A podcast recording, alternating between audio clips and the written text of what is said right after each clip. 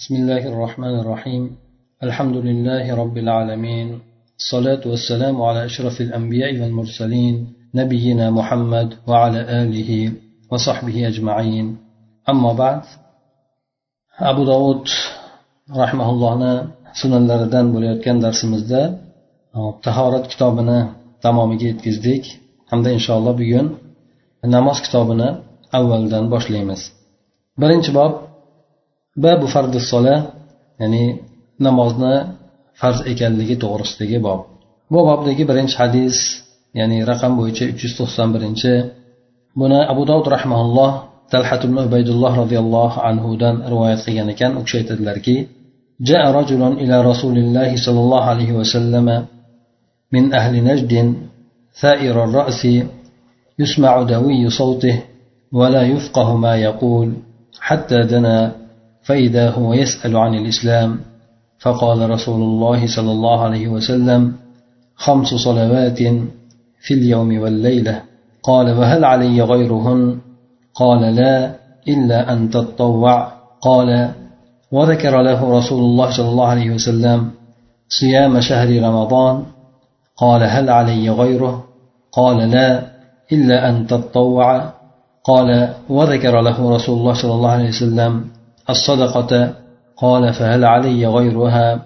قال لا إلا أن تطوع فأدبر الرجل وهو يقول والله لا أزيد على هذا ولا أنقص. فقال رسول الله صلى الله عليه وسلم أفلح إن صدق. بو حديثنا aytib رحمه الله dovud بن عبيد الله رضي الله عنه دن رواية ekan. كان بوك aytadilarki bir kishi rasululloh najd ahlidan ya'ni najd ahlidan madinani hop ya'ni makkani shimol tomonlaridan ya'ni o'sha riyoz shunga yaqin bo'lgan tomonlarni najd deyiladi. Najd ahlidan bo'lgan bir odam keldi. Ya'ni rasululloh sollallohu alayhi vasallamni huzurlariga keldi. Bu odamni sochlari to'zib ketgan edi. Ya'ni bu safarda ekanligini alomati bo'ladi musofir ekanligini alomati bo'ladi.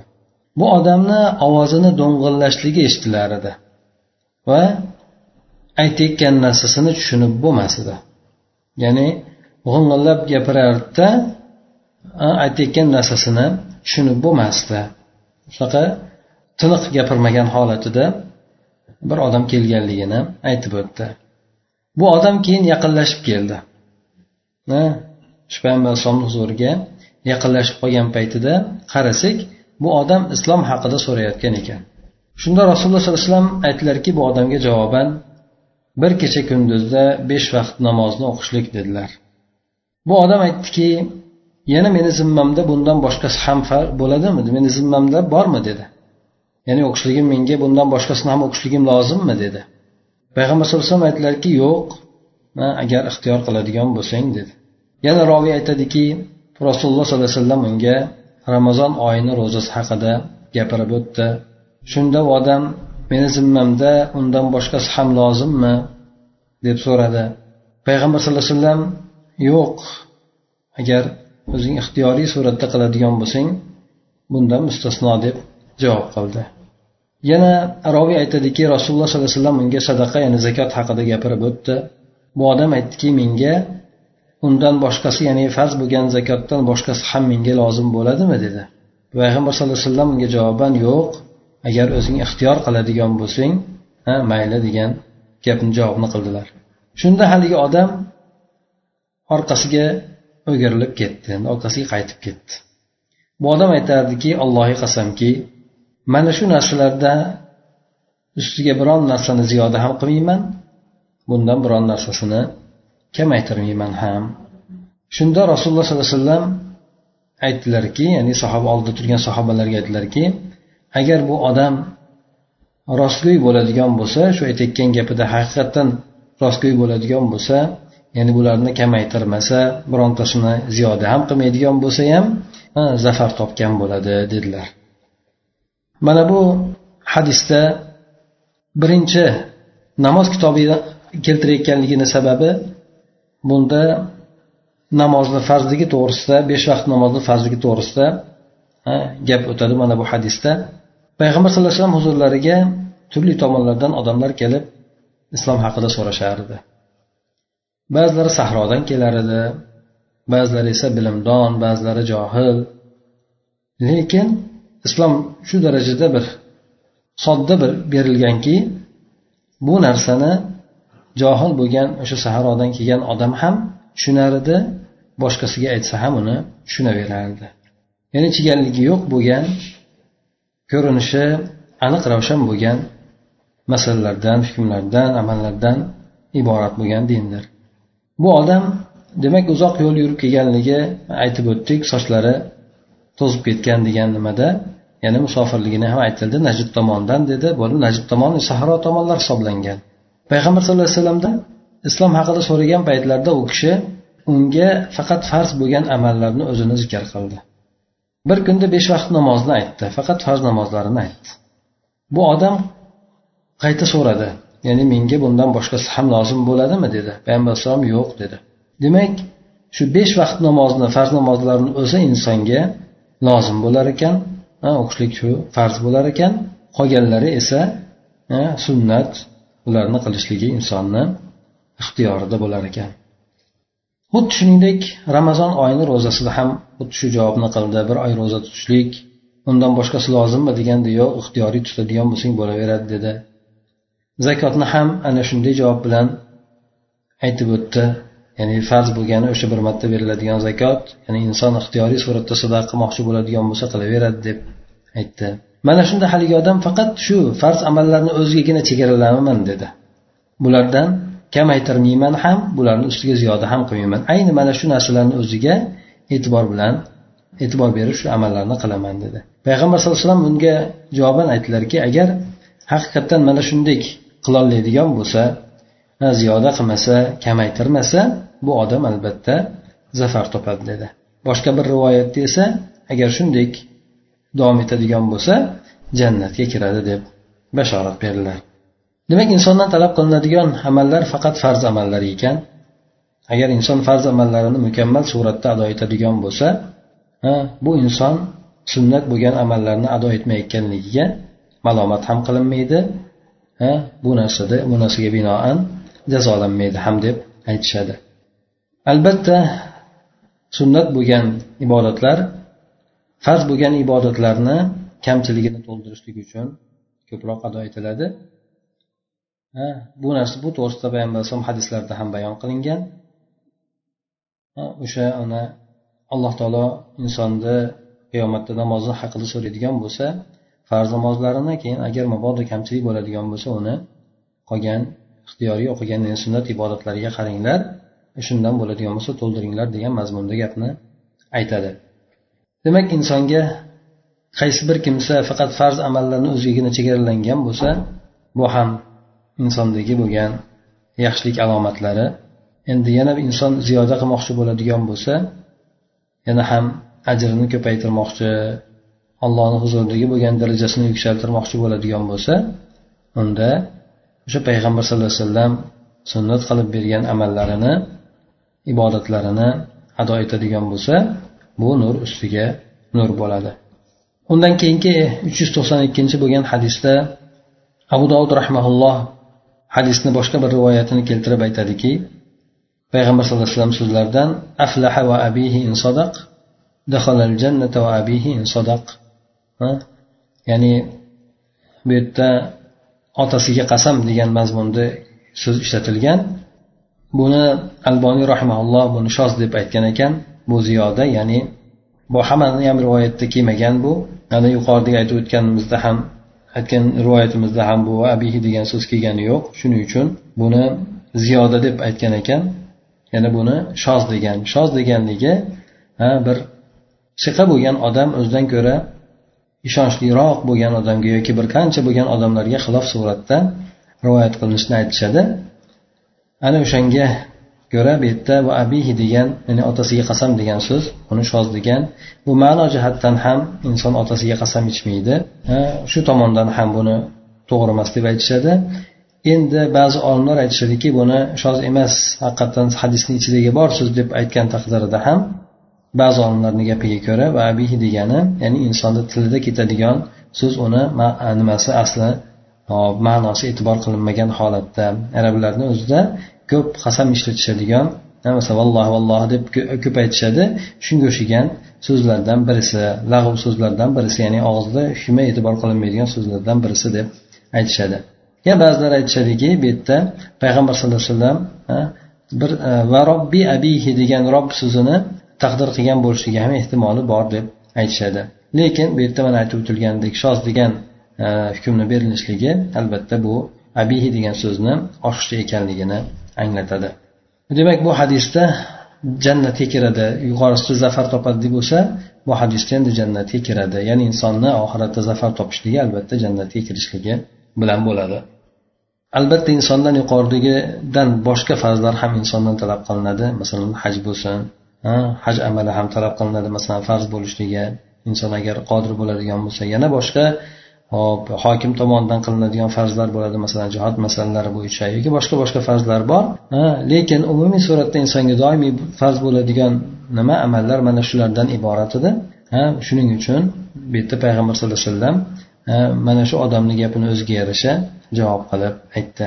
Bu hadisni aytishadiki olimlar ya'ni payg'ambar sallallohu alayhi vasallamni oxirgi davrlarida aytilgan hadis deb aytishadi. Ya'ni avvalgi davrda bo'lgan emas balki oxirgi davrlarda aytilgan deb aytishadi ikkinchi bob babun fil mavaqit ya'ni namozlarni vaqtlarini haqida kelgan bob ekan uch yuz to'qson uchinchi hadisda albani rahmaulloh bunga hasan ham sahiy deb ishora qilgan ekanlar buni hukmini aytib o'tgan edik bu hadisni ibn abbos roziyallohu anhudan rivoyat qilgan ekan u kishi aytadilarki قال رسول الله صلى الله عليه وسلم أمني جبريل عليه السلام عند البيت مرتين فصلى بي الظهر حين زالت الشمس وكانت قدر الشراك وصلى بي العصر حين كان ظله مثله وصلى بي يعني المغرب حين أفطر الصائم وصلى بي العشاء حين غاب الشفق وصلى بي الفجر حين حرم الطعام والشراب على الصائم فلما كان الغد صلى بي الظهر حين كان ظله مثله وصلى بي العصر حين كان ظله مثليه وصلى بي المغرب حين أفطر الصائم. وصلى بي العشاء إلى ثلث الليل وصلى بي الفجر فأسفر ثم التفت إلي فقال يا محمد هذا وقت الأنبياء من قبلك والوقت ما بين هذين الوقتين. ابن عباس رضي الله عنه تدلركي رسول الله صلى الله عليه وسلم هيثى بلتلر من جاء جبريل عليه السلام بيتنا يعني kabani oldida ikki marta imomlik qildi. Ya'ni men bilan birga namoz o'qidi ikki marta imom bo'lib namoz o'qidi deb aytdilar. Birinchi kungisini payg'ambar alayhisalom aytadilarki men bilan peshin namozini o'qidi. Ya'ni bu namoz yangi farz bo'lgan paytida payg'ambar sallallohu alayhi vasallam merojdan tushgan paytlarida jibril alayhissalom kelib turib bu kishiga namozni shakllari hayatlari qilishlik suratlari vaqtlari shularni hammasini o'rgatadi. Ana o'sha o'rgatishlari jumlasidan namozni vaqtlarini qanday o'rgatganligini payg'ambar alayhissalom bu hadis orqali bizga xabar beryapti. Demak peshin namozi bilan boshlagan ekan bu kishi. Quyosh zavolga kelgan paytida men bilan birga peshinni o'qidi deydi. Zavol bu kun tikkaga kelgan paytidan boshlab turib quyosh jindek o'sha mag'rib tomoniga qarab turib og'ishligi bo'ladi. Ya'ni quyosh botar tomoniga qarab turib kun tikkaga kelgan paytdan jindek og'ishligi mana shu paytda peshin vaqtini kirishligi vaqti bo'ladi. Bu shirok oyoq ipi miqdoricha deydi. Ya'ni oyoqni bog'laydigan ip ya'ni ularda oyoqni oyoq kiyimini bog'laydigan ip bo'lgan. Bu endi albatta farq qiladi yarim metr bir metr boshqa ya'ni hozirda shunaqa har xil. Ya'ni ularda ehtimol bu qisqaroq bo'lgan bo'lsa kerak.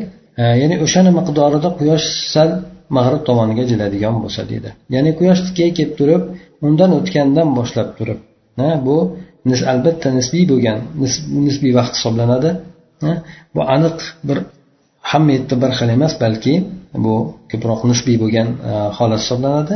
Shuning uchun quyosh tikkaga kelgan payti ba'zi yillarda o'n birda ba'zi yillarda o'n ikkida har xil vaqtlarda keladi masalan dunyo bo'yicha olib ko'radigan bo'lsak ham ana o'sha kun tikka kiygan paytidan jindek og'ishligi bo'ladigan bo'lsa ana o'sha peshinni vaqti kelganligini ifoda qiladi. Men bilan birga asr namozini o'qidi deydi keyin bir narsani soyasi o'zini barobaricha bo'lgan paytida.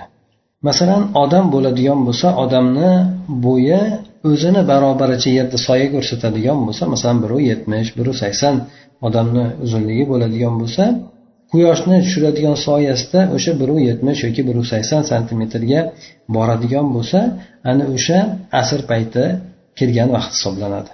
Albatta bu narsa ekvatorda bo'lib turgan odamlarga nisbatan. Hm, agar ekvatordan uzoqlashadigan bo'lsa albatta bu yerda o'sha soyani uzunligi ham qo'shib e'tiborga olinadi. Soyani qo'shib deganimiz masalan bu diyorlarni qaraydigan bo'lsak kun tikka kelgan paytini yozda ham qishda ham farq qiladi bir biridan lekin o'sha kun tikka kelgan payti masalan hozirgi paytdagi o'n ikkini olib ko'radigan bo'lsak bu yerdagi vaqtlarda ana o'sha tikka turgan paytida quyosh yotiqroq turadi. Yotiqroq turgandan keyin bir narsani odam o'zini o'zini qomatini qo'yadigan bo'lsa ham yoki bironta bir narsani o'lchab bir tayoqni o'lchab qo'yadigan bo'lsa ham kun tikka kelgan paytida o'sha tayoqcha yoki inson soyasiz bo'lmaydi. Soyasi bo'ladi. Soyasi ehtimol yarim metrga ehtimol yetmish santimetr ehtimol e, bir metrga cho'zilar bu vaqtni e, yil faslni vaqtlariga qarab turib har xil holatlarda bo'ladi.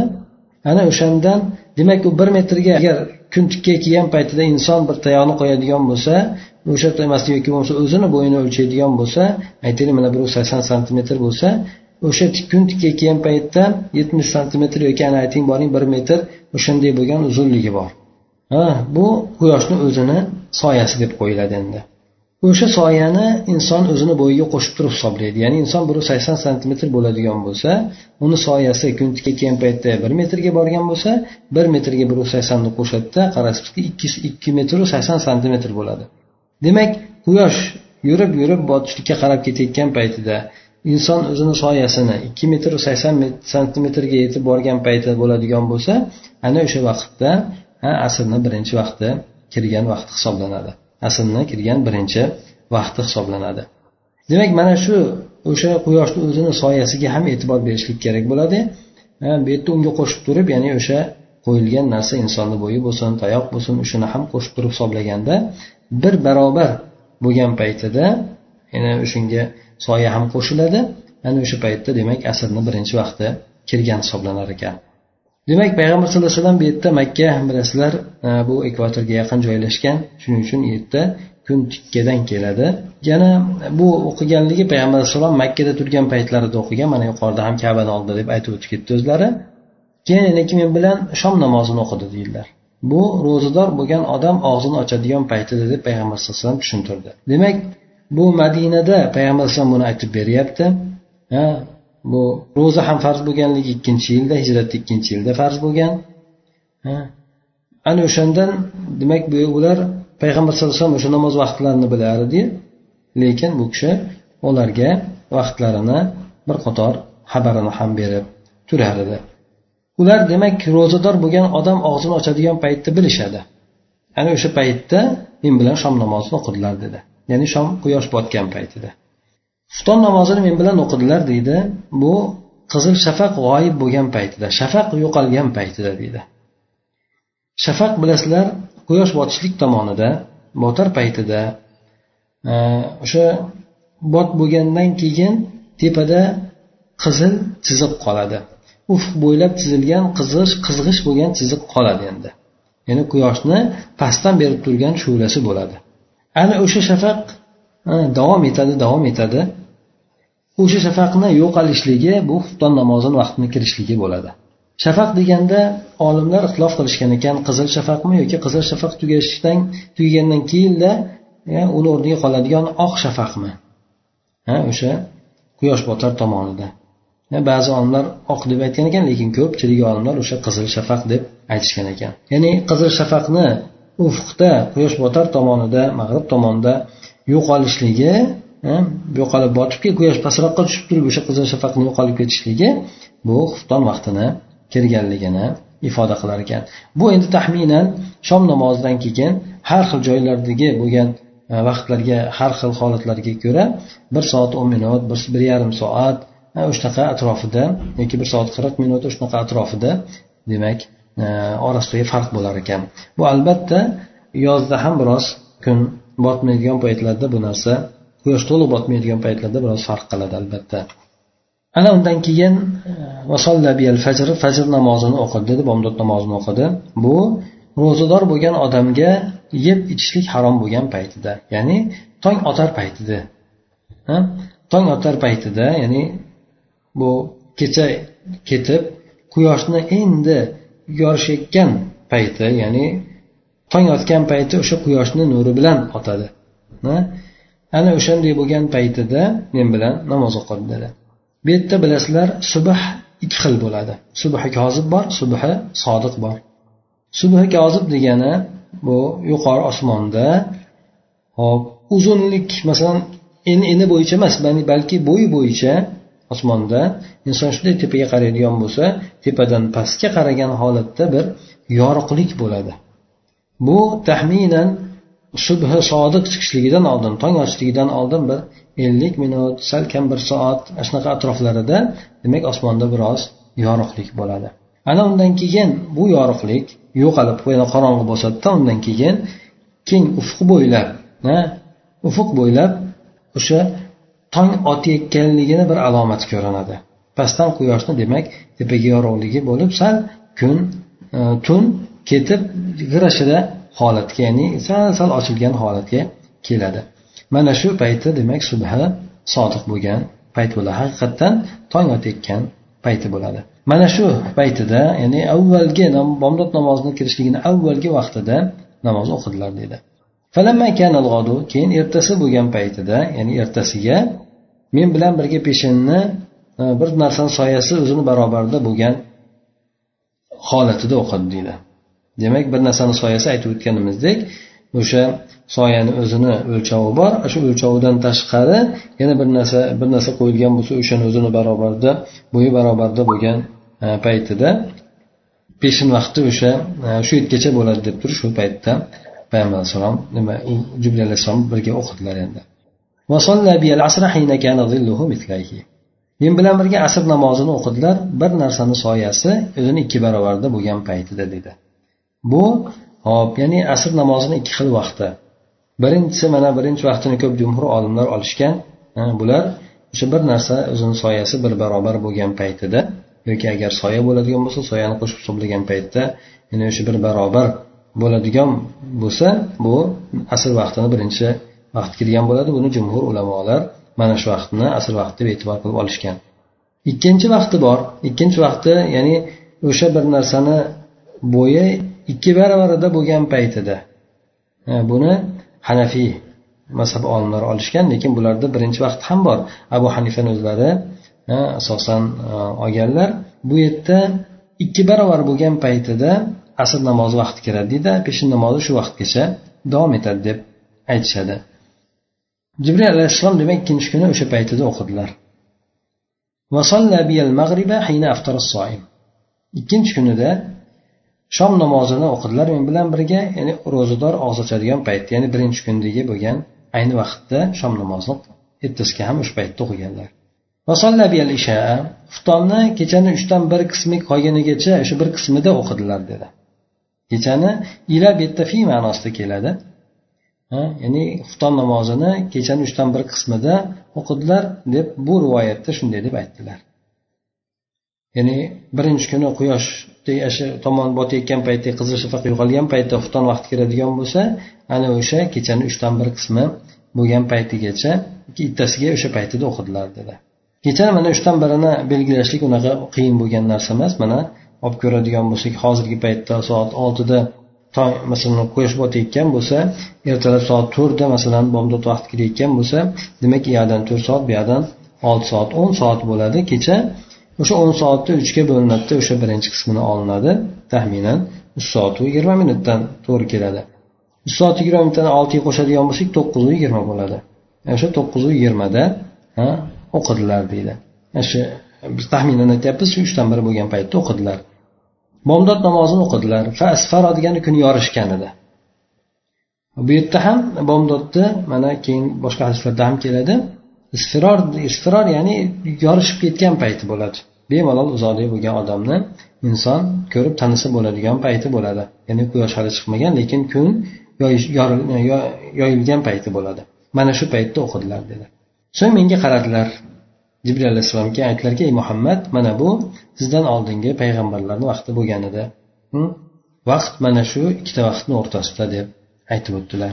Demak yuqoridagi bo'lgan E, birinchi kundagi bilan ikkinchi kundagi bo'lgan vaqtlarni orasida o'sha aytilgan namozlarni o'qiysizlar deb turib jibril alayhissalom payg'ambar alayhissalomga e, o'rgatib o'tdilar. Endi namoz vaqtlari yana mana bundan keyingi hadislarda ham keladi. E, aytib o'tamiz mana bundan keyingi hadis urvat ibn zubayr roziyallohu rahimaullohdan kelyapti. Bu zubayr ibn avvom roziyallohu anhuni o'g'illari. Hop abdulloh ibn zubayrni ukalari hisoblanadi. Madina olimlaridan katta olimlardan birisi bo'lgan madinada yettita katta olim bo'ladigan bo'lsa o'sha tobiylarni davrida o'shalardan birisi hisoblangan va ko'p oysha onamizdan ilm o'rganganlar. Bu kishi aytadilarki ya'ni umar ibn abdulaziz bilan birga bo'lgan payti deydi ekan umar ibn abdulaziz rahmaulloh bu kishi qoidan al minbari al asr shay'an. Minbarga bir suyanib o'tirgandilar minbar ustiga o'tirgandilar. keyin asr namozini ya'ni minbarga chiqib o'tirganlar bir odamlarga gap qilib gapirib minbarda o'tirdilar keyin asr namozini biroz kechiktirdilar shunda urvat ibn zubayr u kishiga aytdilar ama inna jibril alayhissalom قد أخبر محمد صلى الله عليه وسلم بوقت الصلاة فقال له عمر ما تقول فقال عروة سمعت بشير بن أبي مسعود يقول سمعت أبا مسعود الأنصاري رضي الله عنه يقول سمعت رسول الله صلى الله عليه وسلم يقول نزل جبريل فأخبرني بوقت الصلاة فصليت معه ثم صليت معه ثم صليت معه ثم صليت معه ثم صليت معه. يحسب بأصابعه خمس صلوات. فرأيت رسول الله صلى الله عليه وسلم صلى الظهر حين تزول الشمس وربما أخرها حين يشتد الحر ورأيته يصلي العصر والشمس مرتفعة بيضاء قبل أن تدخلها السفرة فينصرف الرجل من الصلاة فيأتي ذا الحليفة ذا الحليفة قبل غروب الشمس ويصلي المغرب حين تسقط الشمس ويصلي العشاء حين يسود الأفق وربما أخرها حتى يجتمع الناس وصلى الصبح مرة بغلس ثم صلى مرة أخرى فأسفر بها ثم كانت صلاته بعد ذلك التغليس حتى مات. ولم يعد إلى أن يسفر urvat ibn zubayr umar ibn abdulaziz rahimaullohga aytdilarki jibril alayhissalom muhammad sallallohu alayhi vasallamga namoz vaqtlarini xabar berganku dedilar umar ibn abdulaziz aytdilarki nima deyapsiz dedi ya'ni bu kishi biroz aytgan ya'ni ama degan so'zi qasam ichishga qasam ichishga aytiladi ko'proq bu ala ma'nosida ya'ni insonni bir e'tiborni qaratishligi uchun qasam bilan aytiladigan so'z o'rnida bo'ladi.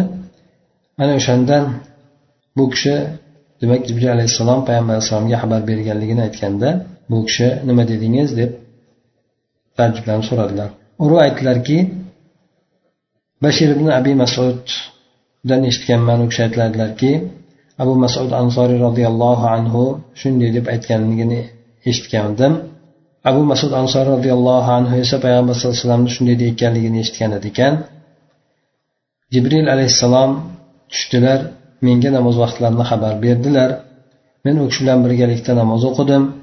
So'ng u kishi bilan birga yana namoz o'qidim yana namoz o'qidim yana namoz o'qidim deb besh vaqt namozni barmoqlari bilan sanab o'tdi. Keyin rasululloh sollallohu alayhi vasallamni o'zlarini ham peshin namozini quyosh zavolga ketgan paytida o'qiganligini ko'rdim.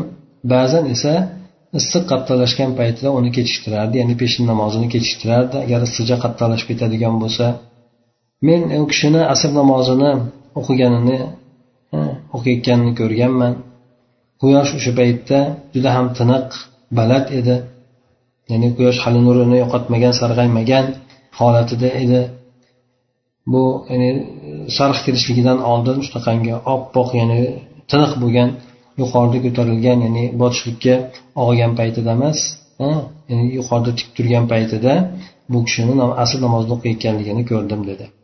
Shunda bir odam namozdan burilardida namozni tugatib zulhulayfaga quyosh botishligidan oldin yetib olardi deydi zulhulayfa madinadan makkaga ketishlik yo'lida bo'lib bu taxminan o'n ga yaqinroq bo'lgan sakkiz kilometr o'n kilometrga yaqinroq bo'lgan joyda joylashgan madinani tashqarisida demak o'sha joyga quyosh hali botmasdan turib yetib olardi dedi. Demak bu kamida kamida ikki soat vaqt ketadi endi. Ya'ni inson bir soatda besh kilometr atrofda yuradi desak ikki soat vaqt ketadi endi.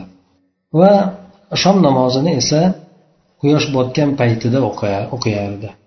Xufton namozini ufuq qoraygan paytida ya'ni o'sha qizillik yo'qolib ufqda qorong'ulik paydo bo'lib bo'lgan paytida o'qiyardi va ba'zan esa tong namozini odamlar to'plangunigacha kechiktirardi ham.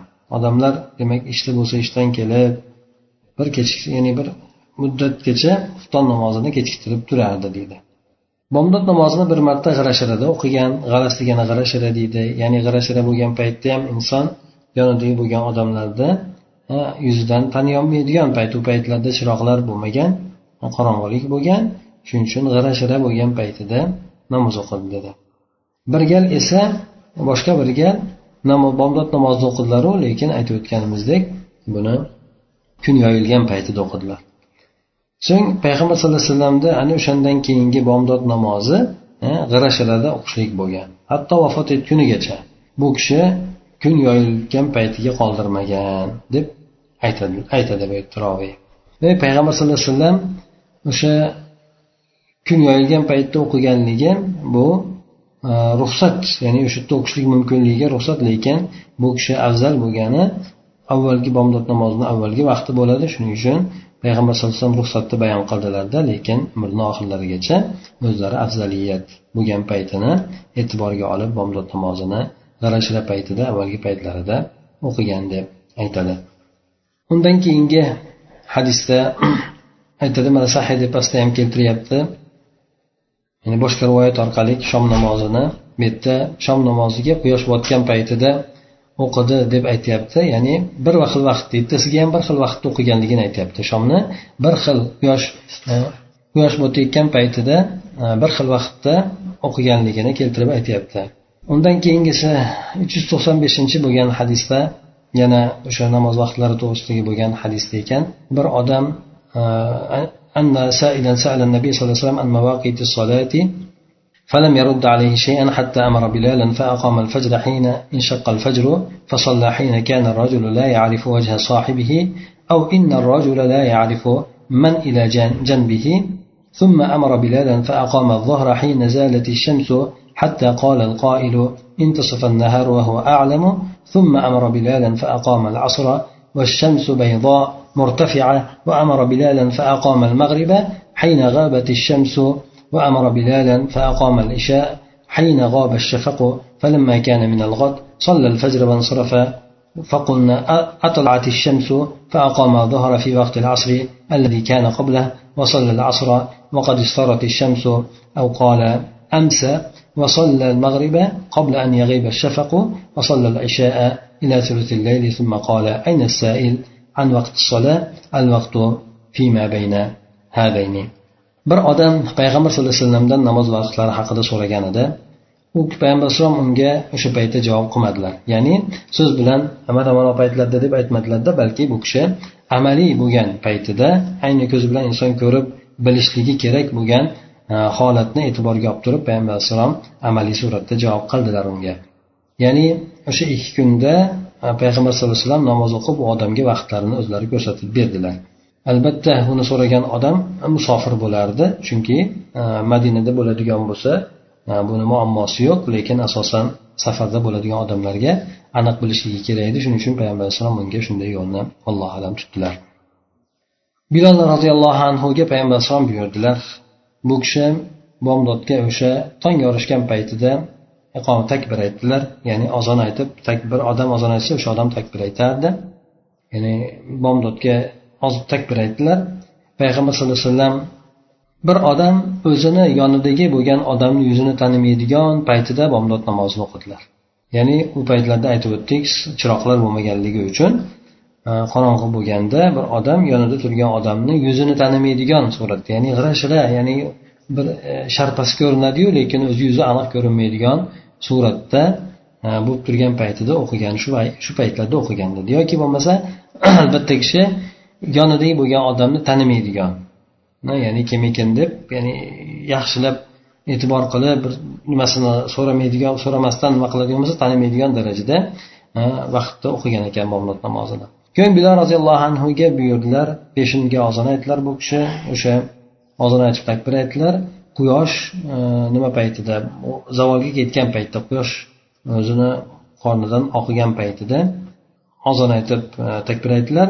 Hattoki ba'zi odam aytdiki kunduz e, tikka kun tikka turibdiyu degandek ya'ni kun tikka bo'lgan paytiyu degan darajada.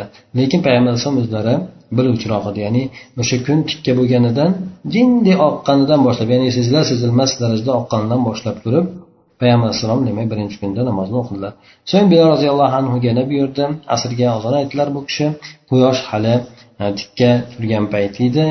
Oq bo'lib o'zini quvvatida kuchida o'sha issig'ida e, turgan payt edi ya'ni sariqqa moyil bo'lmagan holatda. Yana bilol roziyallohu anhuga buyurdilar bu kishi shom namoziga quyosh botgan paytida. Ozon aytib takbir aytdilar.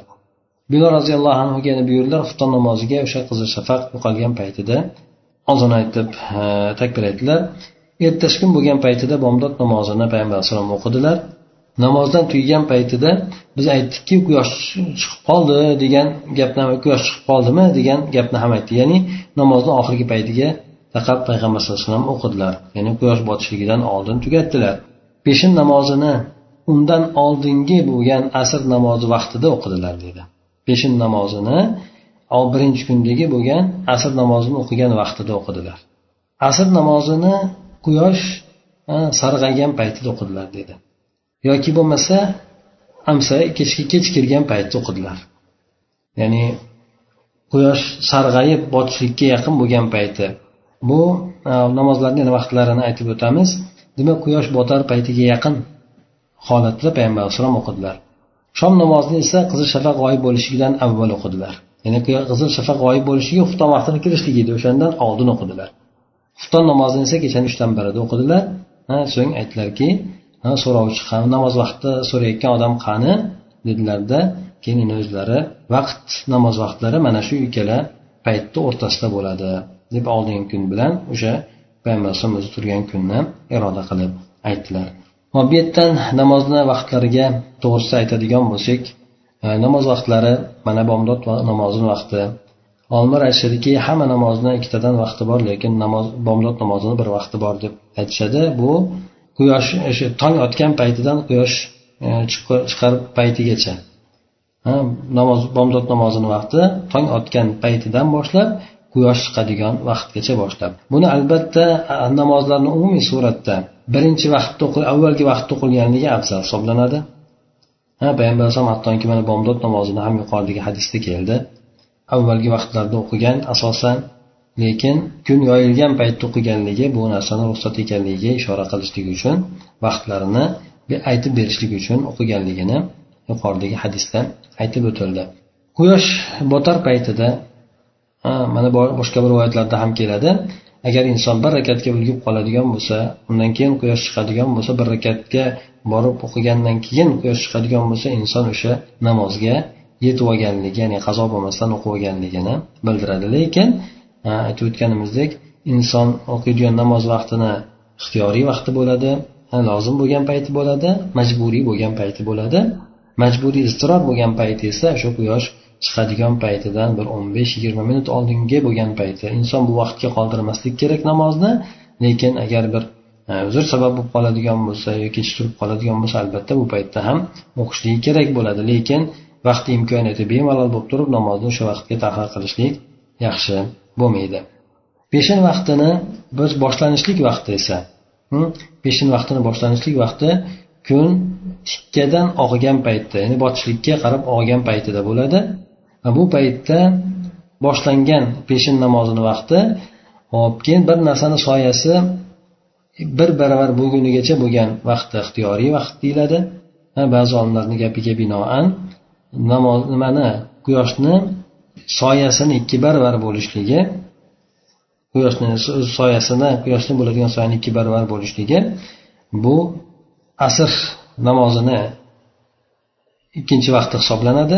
O'sha paytgacha davom etishligi mumkin deb ba'zi olimlar aytishadi. Lekin umumiy suratda ya'ni asr namozini iztiroriy ya'ni bo'lgan payti bilan ya'ni iztiroriy ya'ni albatta inson u paytgacha kechiktirmaydi mabodo bir sabablar bo'lib kechikib qoladigan bo'lsa o'qish o'qisa bo'laveradigan vaqti demak quyoshni bir o'zini soyasi bir barobar bo'lgandan boshlab turib ikki barobar bo'lgunigacha ya'ni asrni birinchi vaqtdan ikkinchi vaqtiga qadar o'sha paytda peshinni o'qiyolmay qolgan odam o'qib olsa bo'ladi deb ba'zi olimlar aytishadi.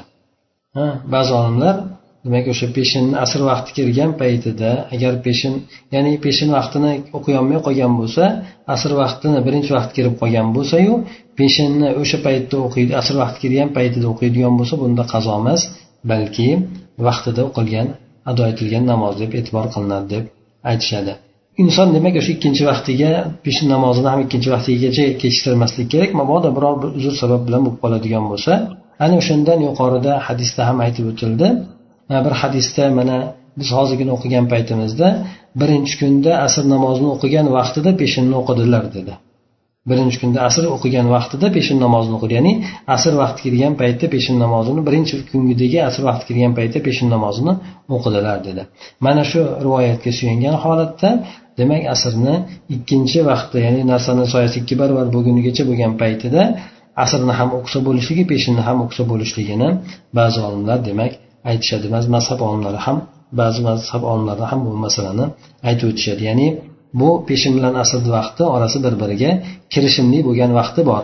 Bu vaqti taxminan bu yozdan qishgacha farq qiladi.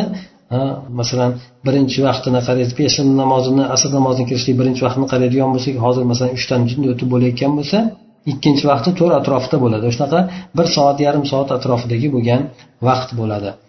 Lekin e, boshqa olimlar aytadiki o'sha asr vaqtini mana aytaylik. Birinchi vaqtini olganlar birinchi vaqtigacha o'qiladi asr undan qazo bo'lib qoladi deydi. Ikkinchi vaqtini olganlar masalan hanafiy mazhabdagilar bo'ladigan bo'lsa peshin namozini vaqti o'sha ikkinchi vaqtigacha davom etadi.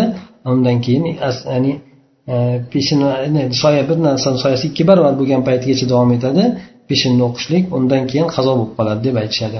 Ba'zi olimlar demak aytib o'tganimizdek shuni ikkalasini o'rtasini jamlab peshinni vaqti bor asrni vaqti bor ikkalasini bo'ladigan vaqti bor. O'rtadagi demak o'sha yarim soat bir soat bo'lgan payti peshin ham asr ham o'sha paytda o'qilsa ado etilaveradigan vaqti bo'ladi deb aytishadi. Asrni endi asrni ham ixtiyoriy bo'lgan vaqti bor. Ixtiyoriy bo'lgan vaqti hop avvalgi vaqti hisoblanadi. Mana aytaylik o'sha birinchi paytdan ikkinchi bir bir narsani soyasi ikki barobar bo'lgunigacha bo'lgan o'sha afzal afzal bo'ladi. Ana o'sha paytda endi undan keyingi masalan aytaylik quyosh ikki barobar o'zi soyasi ikki barobar bo'lgandan keyin to quyosh botgunigacha bo'lgan vaqti o'sha inson namoz o'qisa bo'laveradigan vaqti lekin xosatan o'sha quyosh sarg'ayib qoladigan paytida ya'ni quyosh botishlikdan taxminan yigirma minut oldingacha bo'lgan payti demak o'sha zarurat vaqtiga kirib ketib qoladi. Zarurat vaqtiga kirib ketib qoladi ya'ni inson u paytgacha asr namozini tahir qilishligi mumkin emas. Ya'ni illo bir zarurat bo'lib qoladigan bo'lsa o'sha shom botar payti ya'ni quyosh botar paytigacha o'qib olsa bo'ladi. Lekin zarurat bo'lmaydigan bo'lsa uzri bo'lmaydigan bo'lsa albatta avval o'qishligi kerak bo'ladi. Shom namozini vaqti bo'lsa quyosh botgan paytidan boshlanadi. Quyosh botgan paytidan boshlanadi. Buni o'sha ixtiyoriy bo'lgan payti bor bu avval vaqti bo'ladi. Hamda Э, karohiyat bo'lgan vaqti bor karohiyat bo'lgan vaqti bor. Lekin bu yerda ham qazo bo'lmaydi ado etiladi lekin karohiyat bo'lgan vaqti bor. Bu o'sha quyosh e, qizil shafaq botgungacha yanuqdan vaqt kirgungacha bo'lgan vaqt hisoblanadi. Ya'ni bu yerda boshqa bir hadislarda ham kelgan ekan o'sha ummatim yaxshilikda bo'ladi modomiki shom namozini o'sha nima yulduz chiqqunigacha kutmasdan e, ado etadigan bo'lsa degan mazmundagi hadislar bor ekan. Hamda shom namozini o'qishlikda yulduz chiqqungacha kutib turishlikni karohiyatini bayon qiluvchi rivoyatlar ham bor deb aytiladi. O'shandan demak shom namozini quyosh e, yulduzlar quyosh botgandan keyin yulduzlar chiqqunigacha e, kutib o'tirmasdan ado etishlik demak o'sha avvalgi payt hisoblanadi. Ya'ni inson bir zarurat bo'lib uzr bo'lib ko'chada bo'lib qolib o'qiolmay qolsa kech tahir qilib qoladigan bo'lsa o'sha bu albatta safar nimalardan istisno suratda aytiladi chunki safarda ikki namozni jamlanadi. Ya'ni muqimlikda bo'lgan paytida inson e, shom namozini tahir qilib qoladigan bo'lsa o'sha xufton vaqti kirmasdan oldin bir uzrlar bo'ladigan bo'lsa o'qib olsa bo'ladi. U paytda qazo emas ado bo'ladi. Inson uzri bo'ladigan bo'lsa makruhlik karohiyat ketadi. Agar uzrsiz bo'ladigan bo'lsa insonda o'sha qilgan ibodati karohiyatga aralashib qoladi. Xufton namozini vaqti esa qizil shafaq botgandan boshlab turib boshlanadi. Taxminan shom namozidan keyin joylarga qarab farq qiladi. Bir soat o'n minut bir soat yigirma minut bir yarim soat bir soat qirq minut. Har xil joylarga qarab turish narsa farq qiladi. Lekin juda yam uzayib ketmaydi. Masalan ikki soat uch soat bu darajagacha ketib qolmaydi. Oxirgi xuftonni oxirgi vaqti bo'ladigan bo'lsa uni avvalgi ixtiyor yaxshi bo'lgan payti bor. Ya'ni o'sha eng yaxshi bo'lgan payti kechani uchdan birigacha o'qish uchdan biri bo'lgan paytda o'qilishligi bu. Xufton vaqtini eng yaxshi o'qiladigan payt hisoblanadi. Undan keyingi o'qilsa bo'laveradigan payti demak bomdod namozi vaqti kelgunigacha bo'ladi. Ba'zi olimlar kechani yarmigacha yarim kechagacha masalan aytaylik hozirgi paytda taxminan o'n bir o'n bir o'n bir yarim bo'lgan vaqt bo'ladi.